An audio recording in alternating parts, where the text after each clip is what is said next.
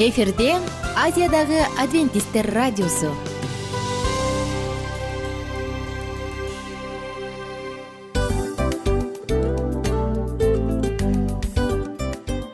Достор салют.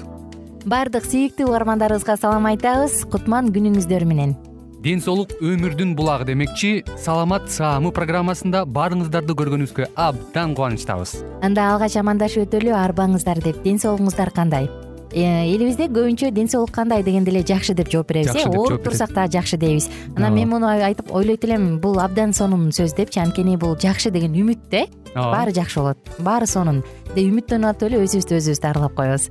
Анысы кандай сиздин дагы ден соолугуңуз жакшы беш деген үмүттөбүз чындыгында ден соолук бул өмүрдүн булагы деп бекеринен айтылган эмес деп ойлойм. Кыргыз элинде анткени эгерде ден соолук жок болсо анда адамдын жашоосунда калган баардык керектүү маңыздуу нерселер өзүнүн баалуулугун жоготуп коет. Ошондуктан ден соолук бул эң керектүү нерсе. Ооба туура айтасың кесиптешим. Чынында ден соолугуң жок бир эки үч күн ооруп калсаң эле э кандай болуп калат? Жашоодо көз каранды болуп каласың көп нерсеге жетишпей каласың көп нерсени кыла албай каласың жада калса эшикке дүкөнгө да чыга албай каласың. Туптуура анан ден соолук болсо демек биз биздин бактыбыз тоодой деп койсок болот.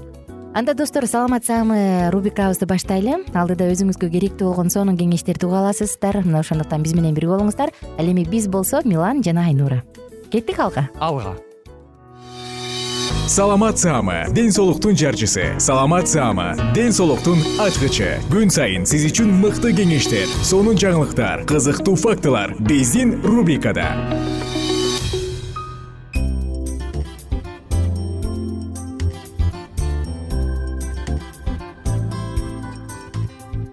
Кутман күнүңүз менен достор. Сиздер менен кайрадан амандашып саламдашып мен айнура миназарова саатымды баштадым бүгүнкү уктуруубузда молочницаны алдын алуу деп аталган тема. Жана сиздер менен бирге бул темада дагы албетте ар бир айымга маанилүү керектүү темаларды керектүү маалыматтарды беребиз деп убада берем. Ошондуктан биздин жыштыктан алыстабаңыздар. Саламат саама рубрикасы. Жана сиздер менен бирге саламаттуу дене циклин андан ары улантабыз.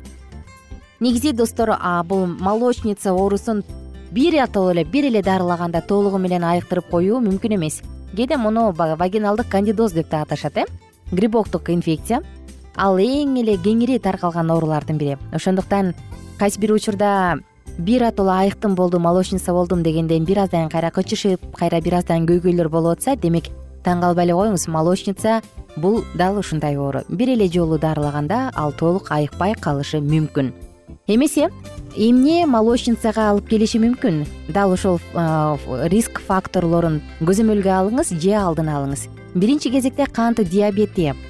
Дал ушол молочницага алып келүүчү себептердин бири. Адамдын семирүүсү жана ошондой эле тампон сыяктуу жыныстык органды кыжырдантуучу жыныстык органдын тынчын алуучу факторлор дагы ошондой эле дал ушул себепке кирет. Жана эң эле кеңири спектрде пайдаланылып келген антибиотиктер булар дагы сөзсүз түрдө вагиналдык кандидоздун пайда болушуна алып келет. Жана вич оорусун жугузуп алуу.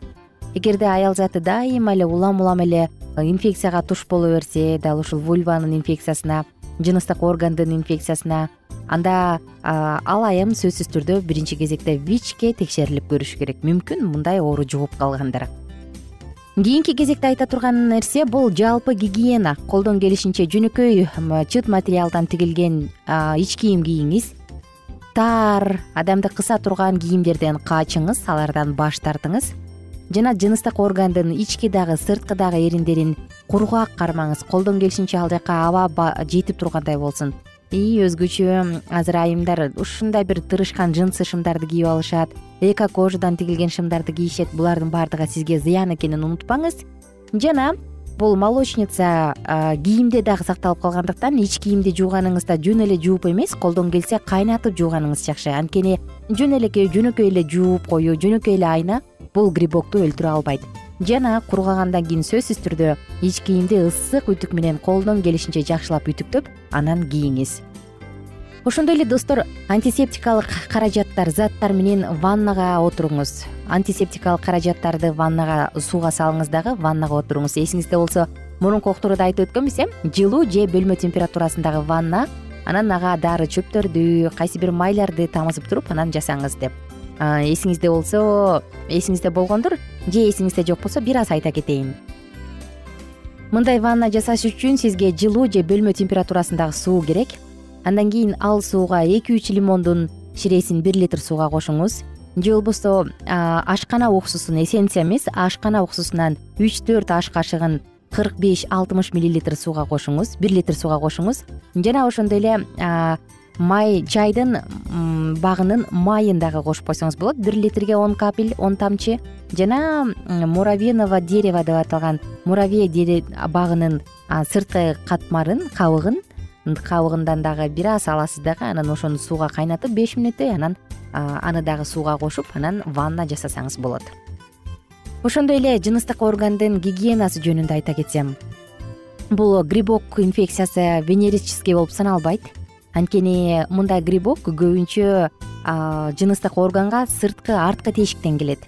Ошондуктан эгерде сиздин сексуалдык өнөктөш адамыңыз өнөктөшүңүз билбей эле мындай катнашта болуп жүргөн болсо мүмкүн ал сизге дал ошол кандида грибогун алып келип жүргөндүр. Мүмкүн ал адам сизге жугузуп жүргөндүр. Ошондуктан эгерде улам улам эле молочница кайталана турган болсо анда сөзсүз түрдө эркек дагы өзү бир сыйра анализ тапшырып грибокко анан өтүп текшерилип койгон жакшы. Жана кийинки жолу кошулууда сөзсүз түрдө мырза презерватив кийип алганы жакшы жыныстык катнаштан кийин сөзсүз түрдө колду жана жыныстык органдарды толугу менен жакшылап жууп коюу зарыл анан жогоруда айтылгандай эле мырза дагы дарылануунун бир курсун өтүп койгону зарыл. Кийинки кезекте айта турганыбыз тамактануу. Колдон келишинче кумшекер бар азыктардан баш тартыңыз. Анткени алар кандида грибокторунун көбөйүүсүнө шарт түзөт. Ошондой эле сыра сыр кадимки эле пиво сыра вино консерваланган эттер жана башка азыктар булардын баардыгы тең баягы быжылдап кыжылдап туруп анан алынган азыктар бар эмеспи ачыган азыктар. Булардын баардыгын колдонуудан баш тартыңыз. Анын ордуна өсүмдүк клетчаткасын йогурт чеснок сарымсак брокколи ак капуста редис мына ушулардын баардыгын колдонсоңуз грибокко каршы турууга мүмкүнчүлүгүңүз көбөйөт ошондой эле грибоктун кайсы түрү менен ооруп жатасыз? Бул нерсени дагы бир көбүрөөк билип алыңыз. Мисалы кандида альбиканс деп аталган грибоктун түрү бир дарылангандан кийин ал кайра кайталанбайт. Кийинки жолу эгерде кайра молочница болуп жатсаңыз мүмкүн кандида глабрата менен ооруп жаткандырсыз. Глабрата нистатин бор кислотасы чай багынын майына жакшы туруштук бере албайт. Ал бат жеңилет мына ошондуктан дал ушундай антигрибоктук каражаттар менен аны дарылоо зарыл.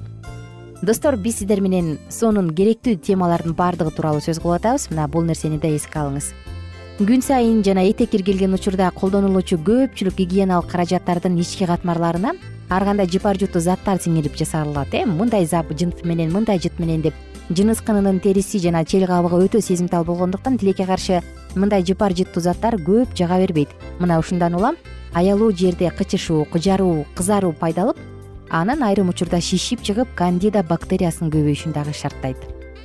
Ным купальник жөнүндө айтсам эс алуу учурунда бассейнге көлгө деңизге сууга түшкөн учурларда молочницанын көбөйгөнү байкалат. Анын себеби ным купальникте. Анткени нымдуулук кандида грибогунун өөрчүшүн шарттоочу факторго кирет. Ошондуктан ным купальник менен көпкө жүрбөш үчүн сол кошумча кийим ала жүрүңүз. Же болбосо бат коргоочу кездемеден тигилген купальник тандаңыз.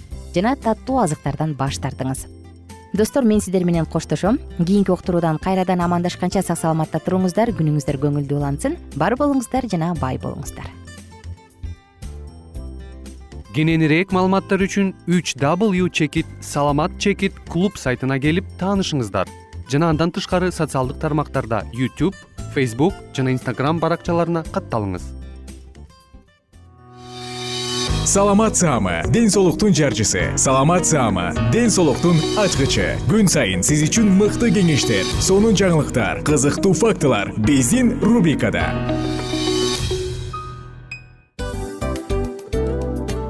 салам достор.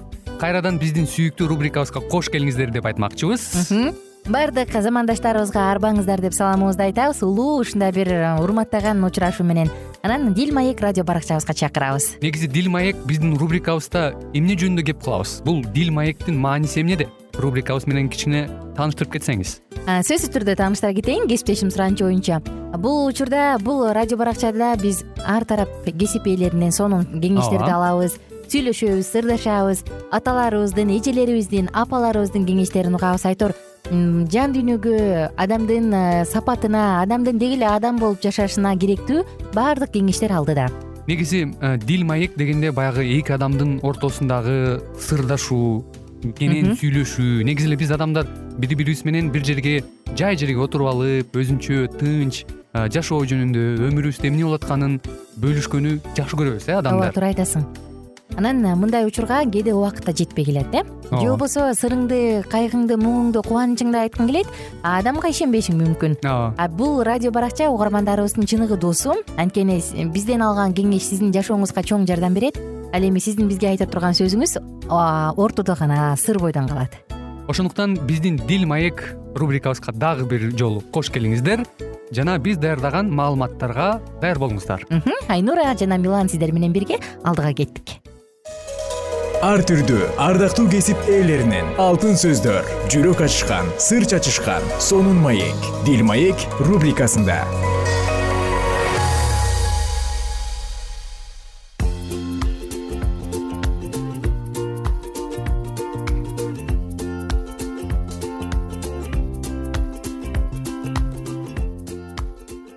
салам достор. Кандайсыздар ардактуу угармандар жалпыңыздар менен амандашып биз кезектеги уктуруубузду баштадык. Дил маек уктуруусу келиңиздер. Бүгүн бактылуу үй бүлөнүн негизги эрежелери тууралуу сөз кылышалы негизи эле бактылуу үй бүлө кандай болушу керек? Бактылуу үй бүлө кандай болот? Мына ушул тууралуу алдыда сөз кылабыз.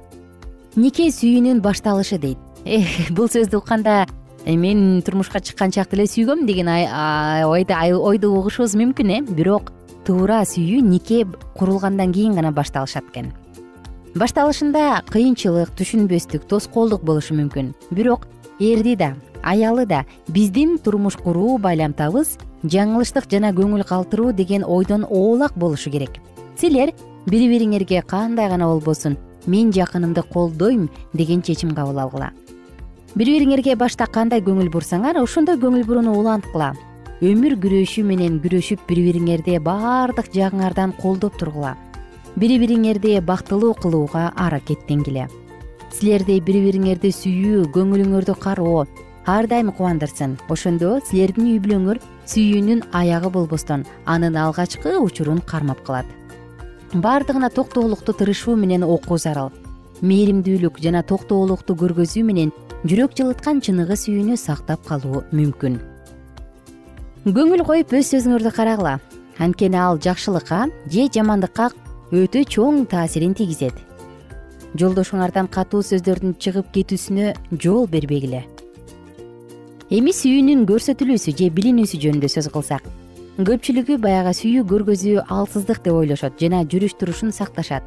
Булар көпчүлүк адамдардын отурукташуусуна күчтүү таасирин калтырат. Эгерде мээримдүү ынтымактуулук сезимдери токтоп кала турган болсо анда алар бир учурда жоголуп кетүү коркунучун туудуруп жүрөктү боштондук жана муздактык ээлеп калат. Биз дагы мындай жаңылыштыктан сак болушубуз керек. Эгерде сүйүү көрүнүп турбаса ал көпкө болбойт. Сиз менен никелешүү байланышын кармап турган кишинин жүрөгү боорукерлик көңүл жубатуу сезимдеринин жетпей калуусунан азап чекпесин ар ким өзү талап кылгандан көбүрөөк сүйүү берүүгө аракеттенсин. Өзүңөрдөгү эң мээримдүүлүк ажарыңарды өстүрүп бири бириңердин боорукерлик сапатыңарды сезүүгө аракеттенгиле сенин кылганыңа жараша туура баа берүү керектигин сезүү жакшынакай демилге берет жана канагаттандырат. Көңүлүңө кароо жана сый урмат көргөзүү жеткилеңдикке умтулуусун кызыктырат. Өзгөчө бул сүйүүнү менимче да бул менин жеке оюм мырзалар көп эркелетип өтө катуу сүйүп дейт болуш керек э. Анткени көпчүлүк мырзалардан байкайсың го үйлөнгөндөн кийин баш кошкондон кийин болду эми ал меники дейби же эмнеге андай кылат айтор түшүнүксүз бирок келинчегине баягы сүйлөшүп жүргөндөгүдөй көп көңүл бурбай калат. Мындан келинчеги бултуңдап тултуңдап мүнөзү чыгат нааразы болот айтор.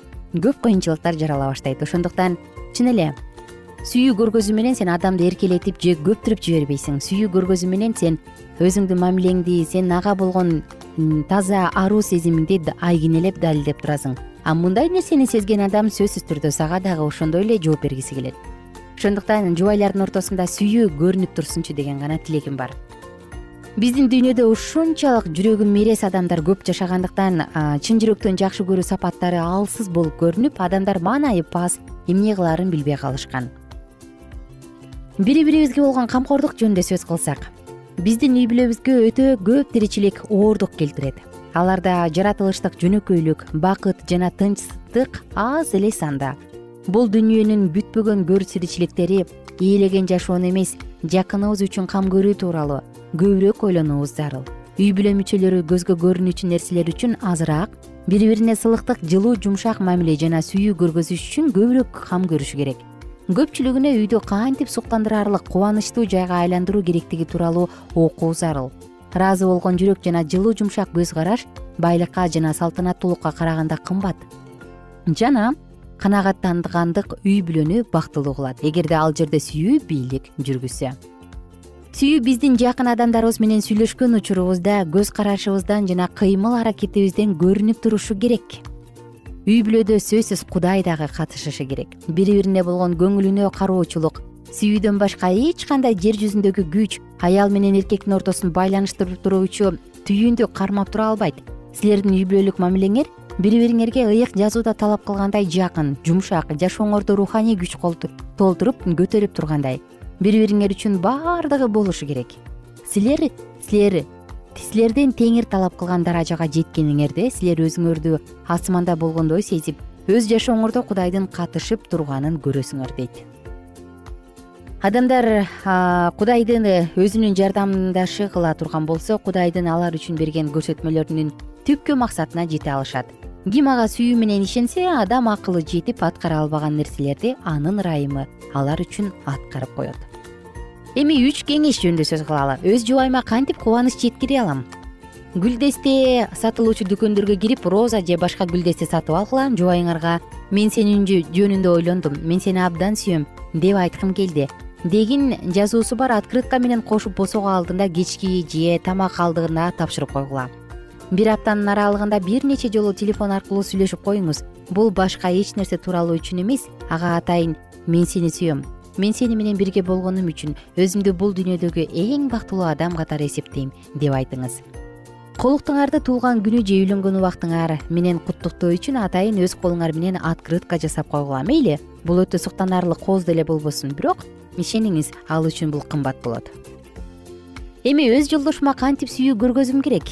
Жөнүндө үч кеңеш үй бүлөлүк шайлоо уюштургула өз жолдошуңарга сиз балдар болуп жылдын эң жакшы атасы кылып шайланганыңыздарды билдиргиле. Ардак грамотасын дайындап жана аны көрүнүктүү жерге илип койгула.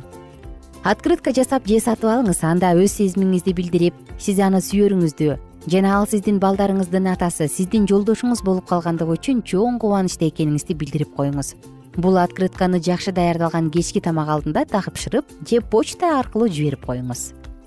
Бат бат аны мактап туруңуз анын жакшы сапаттарын балдарга тарбия берүүдөгү токтоолугун акылын жумуштагы ийгиликтерин дене күчүн жана башка ушул сыяктуу нерселерин баса белгилеп мактап туруңуз. Достор биздин уктуруубуздан кийин үй бүлөдөгү мамилелер жакындасын деген гана тилегибиз бар. Кайрадан амандашканча сак саламатта туруңуздар күнүңүздөр көңүлдүү улансын дүйнөдөгү эң бактылуу адам болуңуз ар түрдүү ардактуу кесип ээлеринен алтын сөздөр жүрөк ачышкан сыр чачышкан сонун маек дил маек рубрикасында.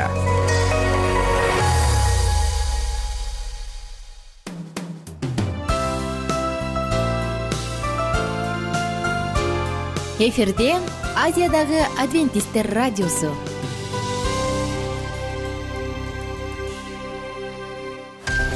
жан дүйнөңдү байыткан жүрөгүңдү азыктанткан жашооңо маңыз тартуулаган жан азык рубрикасы.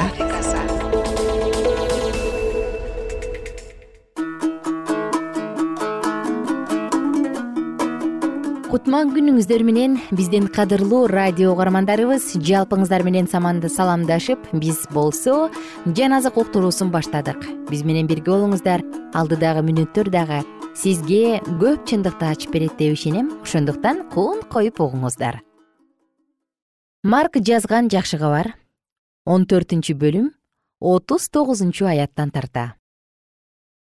Анан дагы четкерээк барып ошол эле сөздөрдү айтып сыйынды. Ал кайтып келгенде алардын кайрадан уктап калганын көрдү. Анткени аларды уйку басып жаткан эле. Алар ыйсага эмне? деп жооп беришерин билишкен жок. Үчүнчү жолу келгенде ыйса аларга силер дагы эле уктап эс алып жатасыңарбы? Бүттү убакыт сааты келди. Мына адам уулу күнөөкөрлөрдүн колуна салынып берилет. Тургула кеттик. Мына мага чыккынчылык кылуучу жакындап калды деди. Ыйса муну айтып бүтө электе эле. Он экинин бири жүйүт жана кылыч союл көтөргөн бир топ адам келип калды. Аларды башкы кызмат кылуучулар мыйзам окутуучулар жана аксакалдар жиберишкен эле. Ыйсага чыккынчылык кылуучу аларга мен кимди өпсөм ал ошол. Аны кармап сактык менен алып кеткиле деген эле. Жүйүткелер менен ыйсанын жанына барып устат устат! деп аны өптү ошондо алар аны кармап алышты. Ыйсанын жанында тургандардын бири кылычын сууруп чыгып башкы ыйык кызмат кылуучунун кулунун бир кулагын шылый чапты. Ыйса аларга мени кармаш үчүн каракчыны кармачудай болуп кылыч союл алып чыктыңарбы? Күн сайын ибадатканада элди окутуп силер менен болгонумда мени кармаган жок элеңер бирок кудай сөзү орундалууга тийиш деди. Ошондо шакирттеринин баары ыйсаны таштап качып кетишти. Жылаңач денесине жабуу жамынган бир жаш жигит ыйсанын артынан ээрчип бара жатты. Ал жигитти аскерлер кармап алышканда ал үстүндөгү жабуусун таштай салып жылаңач бойдон качып кетти ыйсаны башкы ыйык кызмат кылуучунун алдына алып келишти. Бардык ыйык кызмат кылуучулар аксакалдар жана мыйзам окутуучулар анын жанында чогулушту. Петир аны алыстан ээрчип ыйык кызмат кылуучунун короосуна кирди. Ал жерде сакчылар менен бирге отуруп отко жылынды. Башкы ыйык кызмат кылуучулар менен снедриондогулардын баары ыйсага өлүм жазасын өкүм кылыш үчүн жалган күбөлөндүрүү издешти бирок таба алышкан жок. Анткени көп адамдар ага каршы жалган күбөлөндүрүшсө да ал күбөлөндүрүүлөр бири бирине карама каршы эле. Кээ бирөөлөр орундарынан туруп ага каршы мындай деп жалган күбөлөндүрүштү биз анын кол менен салынган бул ибадаткананы бузуп үч күндүн ичинде кол менен салынбаган башка ибадатканада тургузам дегенин укканбыз. Бирок алардын мындай күбөлөндүрүүлөрү да бири бирине дал келген жок. Ошондо башкы ыйык кызмат кылуучу ортого чыгып ыйсадан сен эмне такыр жооп бербейсиң? Сага каршы булар эмне деп күбөлөндүрүп жатышат? деп сурады. Бирок ыйса унчуккан жок эч кандай жооп да берген жок. Ошондо башкы кызмат кылуучу ыйсага дагы мындай деп суроо берди. Даңктуу кудайдын уулу машаяк сенсиңби менмин. Силер адам уулунун кудуреттүү кудайдын оң жагында отурганын жана асмандагы булуттар үстүндө келе жатканын көрөсүңөр деп жооп берди ыйса ошондо башкы ыйык кызмат кылуучу өзүнүн кийимин айрып жиберип бизге дагы кандай күбөлөр керек? Кудайга акарат келтиргенин өзүңөр уктуңар силер буга эмне дейсиңер деди. Алардын баары ыйсаны өлүм жазасына татыктуу деп чечишти кээ бирөөлөр ага түкүрө башташты. Анын көзүн таңып коюп сабап кана пайгамбарчылык кылчы дешти. Сакчылар да аны жаакка чапкылашты петир ылдыйкы короодо турганда башкы кызмат кылуучунун күндөрүнүн бири келди. Ал отко жылынып отурган петирди көрүп тигилее карап сен да назареттик ыйса менен чогуу жүрбөдүң беле? деди. Бирок ал сенин эмнени айтып жатканыңды билбейм түшүнгөн да жокмун деп таанып койду. Анан ал сыртка сырткы короого чыкты. Ошондо корооз кыйкырды петирди кайрадан көргөн күң өзүнүн жанында тургандарга. Бул да ошолордон деп айта баштады. Ал болсо дагы таанып койду. Ошол жерде тургандар бир аздан кийин петирге кайрадан сен чын эле ошолордонсуң анткени сен галилеялыксың да дешти. Петир болсо аябай карганып силер айтып жаткан адамды мен тааныбайм деди ошондо короз экинчи жолу кыйкырды. Петир ыйсанын короз эки жолу кыйкырганга чейин сен менден үч жолу баш тартасың деп айткан сөзүн эстеп ыйлап баштады.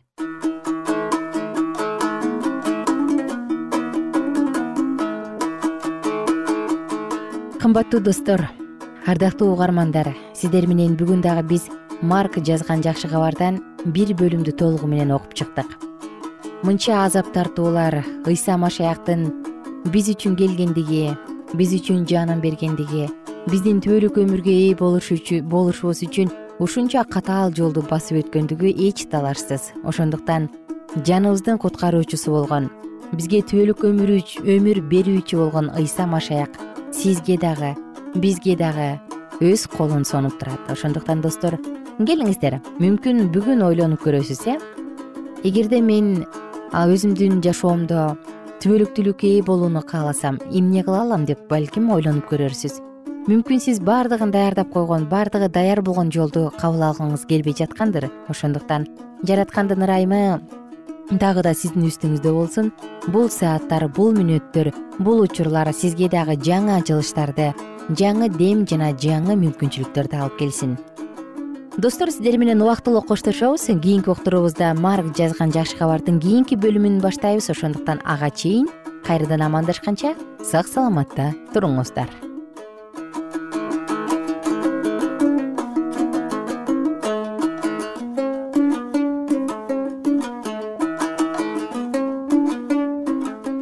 Эгер сиздерде суроолор болсо же көбүрөөк маалымат билем десеңиз анда биздин whatsapp номерибизге жазыңыз плюс бир үч жүз бир жети жүз алтымыш алтымыш жетимиш.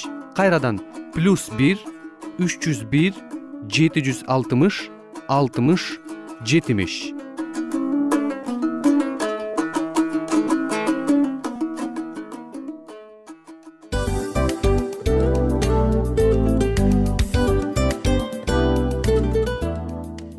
достор биздин радио баракчаларыбыз соңуна келди. Демек бул программабызды дагы жыйынтыктаочу учур келдик. Учурга келдик. Анан кесиптешимден сурагым келип турат. Негизи эле иштин башталып атканы кубандырабы сени же жыйынтыгы кубандырабы?